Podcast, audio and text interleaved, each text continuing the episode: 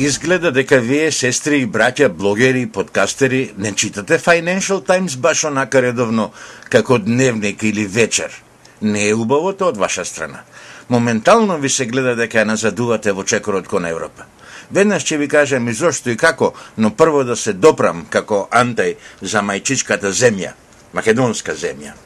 Една блогерка се јавува под псевдоним Гершанина изнесува јавно колку е возмутена од самата себе затоа што имала силна желба да умре незината до вчера мила и добра баба. Произлегува дека бабичката била милна, полна со љубов, мудрости и топлина, додека живеела сама, самичка на село, каде нашата блогерка одела да ја посетува, веројатно да се погости и да донесе кон Скопје кошничка пресни јајца за да расте мила на баба. Арно ама, Кога ја прибрале бабичката, била сама 40 на години, зашто дедото на блогерката починал дамна, кај дошла во стан или во куќичка, живеа таму некаде на аеродром, во големата престолнина на Република Македонија, таа, бабичката, многу брзо се изменила. Исчезнала сета незина топлина, благост, азното народни мудрости и љубов за најблиските. Бабата станала зла, завидлива, озлобена на се и се што грозна. Со малку само прекор, блогерката сама вели дека незината некогаш мила баба станала празна вреќа измет. Таа, блогерката, наместо измет, користи еден друг наш збор, кој ние со Ѓоко не го пуштаме во етер. Смрди многу.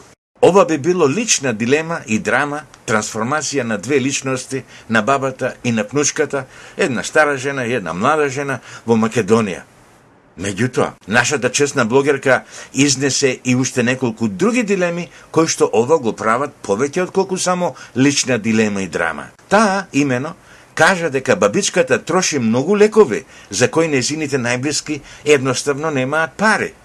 Блогерката додаде дека бабата одзема и простор во станот кој им е драгоцен. Таја згорана се, замислете, ги јаде смоките на синот на блогерката, за кој исто така тешко наоѓаат пари во тоа семејство. Вчера, одделно од оваа приказна, значи ќе направиме еден омнибус овде, Во Скопје и ваделе 6 месеци на тетка ми Петранка, една златна женичка која им ја препиша својата собствена барака на внуците, а кој се грижа околу неја како пчелички. Меѓутоа еден ден таа скрши колк и мораше во дом. Било добро, било се, ама дури да кажеш кекс, си умре тетка ми таму. Таа остави за себе еден син, беше министер едно време во Македонија, живо Апашиште, кој беше надлежен за економски процес на нашата држава. Тука е проблемот. Економијата и трансформацијата на бабичката и на внуката. Сега, ако ме следите внимателно, лесно ќе сватите дека темата на подкастов се, се врти околу две суштествени работи. Квалитетот на животот кај нас и достоинството на смртта. Две дефинитивни теми на нашето гостување во реалниот, па и во виртуелниот свет. Сериозни теми и тоа. Во светското, па соодветно и во македонското благорајство, репликите на сите, па и на оваа споменатава тема горе за умирањето на бабата, во принцип се однесуваат за лични искуства. Оние што реплицираат, изнесуваат своји размисли, своји совети, а, аспекти на излесената тема. Како рекоа, субјективен одраз на објективната стварност. Е, мене таа објективна стварност ме заинтересира, а мислам, че ви интересира и вас. Не е Република Македонија единствена земја, единствена држава, единствена обштествена заедница на светот во која оние на кои им е необходна медицинска нега или лекарство не можат да ја добијат бесплатно, а пари за таква немаат. И тогаш настануваат дилемите, тогаш настануваат траумите. Значи, за кое стапало на човечката цивилизација станува збор кога повеќе грижа се искажува за судбината на пците, скитници во Кина, отколку за изнемоштените бабички дедовци во Македонија или да речеме во Калифорнија. Мене, да бидам економичен со времето, ете тоа буквално ме возмутува. Како може да се најдат милиарди и милиарди долари да се бомбардира и окупира Ирак со години, а нема пари за лекарства и нега за вакви бабички? Па сите ние ќе бидеме такви, преку 64 години, од 70 и така натаму. Кој порано, кој подосне натаму оди.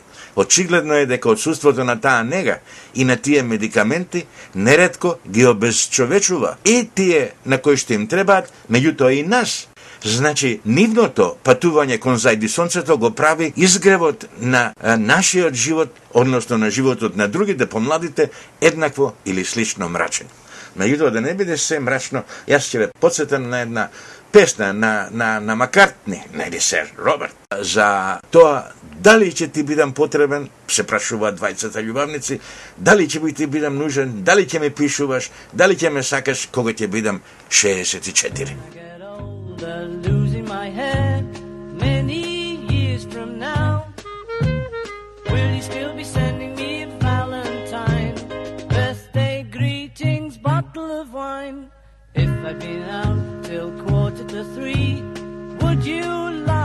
Door? Will you still need me? Will you still feed me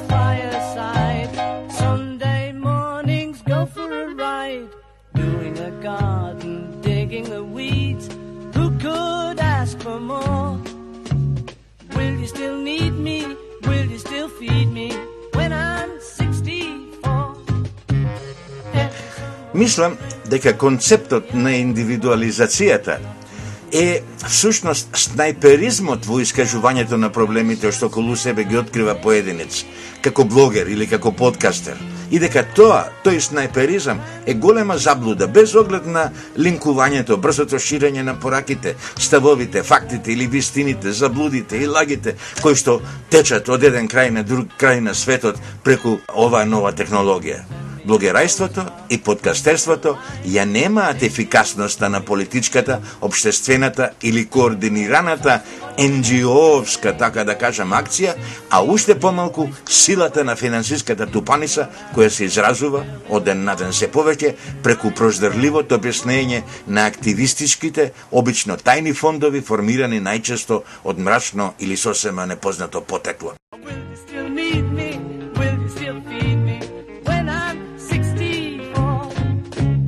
Значи, овие работи, ова организирана политичка сила и настапот на големиот капитал е побитен отколку тоа ни за блогерајот, односно ни подкастерајот да се изнесат овакви теми како што е оваа, сакам да ми убре бабата денеска.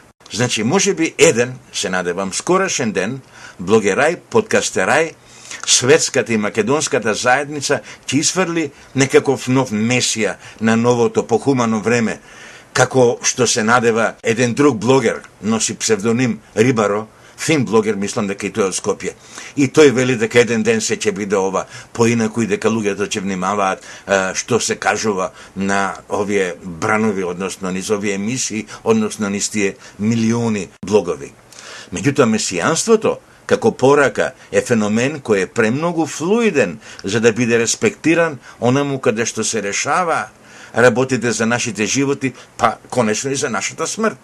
Потребно е акција или настојување за акција од друг легален вид и од друг некаков извор. И така, ете сме во доменот на првиот и последниот самит искреиран и изагендиран во полза на една нова Европска Унија според да сваќањата на една Ангела Меркел. Таа повеќе никогаш нема да има шанса да биде председавач на тој е, таков самит на Европската Унија. Заврши, ќе биде поинаква конструкцијата, значи. Е, таму, пред да започне викендов, се решаваа крупни работи за тоа како ќе биде Европа, кон кое што наша Македонија толку силно копне да, да, да се приклучи и да влезе. Кој сакал, веќе знае за што станало таму збор. Унијата ќе има постојан, а не ротирачки председавач, па тој човек ќе се вика председател, ќе има голема плата и ќе биде деме како шеф на Европската држава, ама нема да биде држава. Ќе има и министр за надворешни работи со многу пари и моќ, не само лични, него да ги дели по светот и да ги оценува малите државички, меѓутоа и тој нема да се вика министер за надворешни работи, туку некако поинаку и таа идна Европа ќе ги донесува решенијата само на тој начин што за, за едно решение треба да гласаат 55% од земјите членки, а ако имаат барем 65% од населението на целата Европска заедница.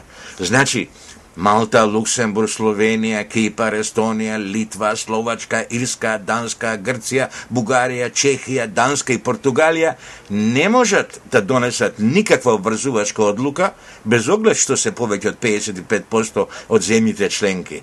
Но, ако наместо тие мелечките Кипар и Малта се наоѓаат меѓу ни Франција и Германија, е тогај одлуката ќе биде правноснажна и обврзувачка за целата Унија. Значи, без големите ништо не биднува. Ништо не е готово со, со за вчерашниот самит, меѓутоа се е познато. Европа всушност одалеку се виде и е збир на расцепкани ситни национални интереси, нема некоја визија, видлив чекор е направен назад, може би ќе има два чекори напред, како што рече некогаш другарот Ленин, но јас во тоа се сомневам повеќе, мислам дека ќе се влегува во по се компликувани состојби, но тоа е сосема друго, тоа е мојот песимизам и а, поглед на работите како стојат во Европската Унија. Друго сакам да ве замолам да поразмислите. Многу битно беше за мене држањето на оние двајца Далтони од Варшава, оние со законот за илустрација, кој уставниот суд на Полска им го исчкрта половина текст како да е писмена по македонски јазик на некаков кецарош. И тие двајца вчера примени во големиот клуб извадија теорија дека Полска не можела туку така да заборави дека некогаш на фашистичка Германија направила многу зулуми и ги прегазила шампита напад за Москва. Тие велат дека пољаците имаат една историска пизма, еден гнев, една болка, една рана, стара близу 70 години. Абе, хајде сега ве молам да ми помогнете да одгатнам за каква тоа обединета Европа зборуваме? За кое НАТО сојузништво зборуваме? Кога луѓе, полјасиве, велат дека паметат и дека не можеле да им заборават на, на некои други германци, што ги нема веќе се ништа. 70 години поменила тоа и затоа тие сакаат по себе некаков третман да им кажат до, до крајот на векот и светот како Полска не згинела и како Полска има поинаку да ги постави работите во Европа. Па Европа треба да биде земја на едни нови генерации, во која што нема национални предрасуди, во која што а, нема конфликти од тој вид. Напротив, во кој што треба да има или мора да има една обшта цел кон која што се стреми цела современа, значи блогерска, подкастерска, една весела, една креативна, една музичка Европа, едни луѓе кои што сакаат низ работа да се искажуваат, низ уметност да се изразуваат и така натаму. Не изгледа се така во, во таа наша голема и драгоцена, толку љубена Европа. Но, да завршам како што започнав, со Financial Times. Сите овие болни теми ми се видоа малку посносливи кога завчера здогледав како на првата страна на дигиталното издание на овој многу ценет светски вестник плескаат во очи некакви промотивни пораки, додека јас читам разни тешки анализи за судбината на светот и на човештвото. Без оглед што флеш анимациите се натрапнички, научив и да не ги забележувам кога сум пред мониторот на компјутеров. Меѓутоа, овие флеш анимации упорни се фокусирав малку и што да видам.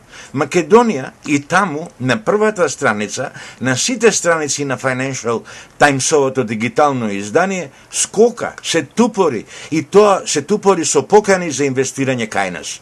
Прво ми беше тоа малку натрапнички, но потоа полека почне да ми се осмислува, да ми се осветлува една мисла дека може би така и треба, со настојчивост да се сврти вниманието врз себе и тоа со покана за соработка.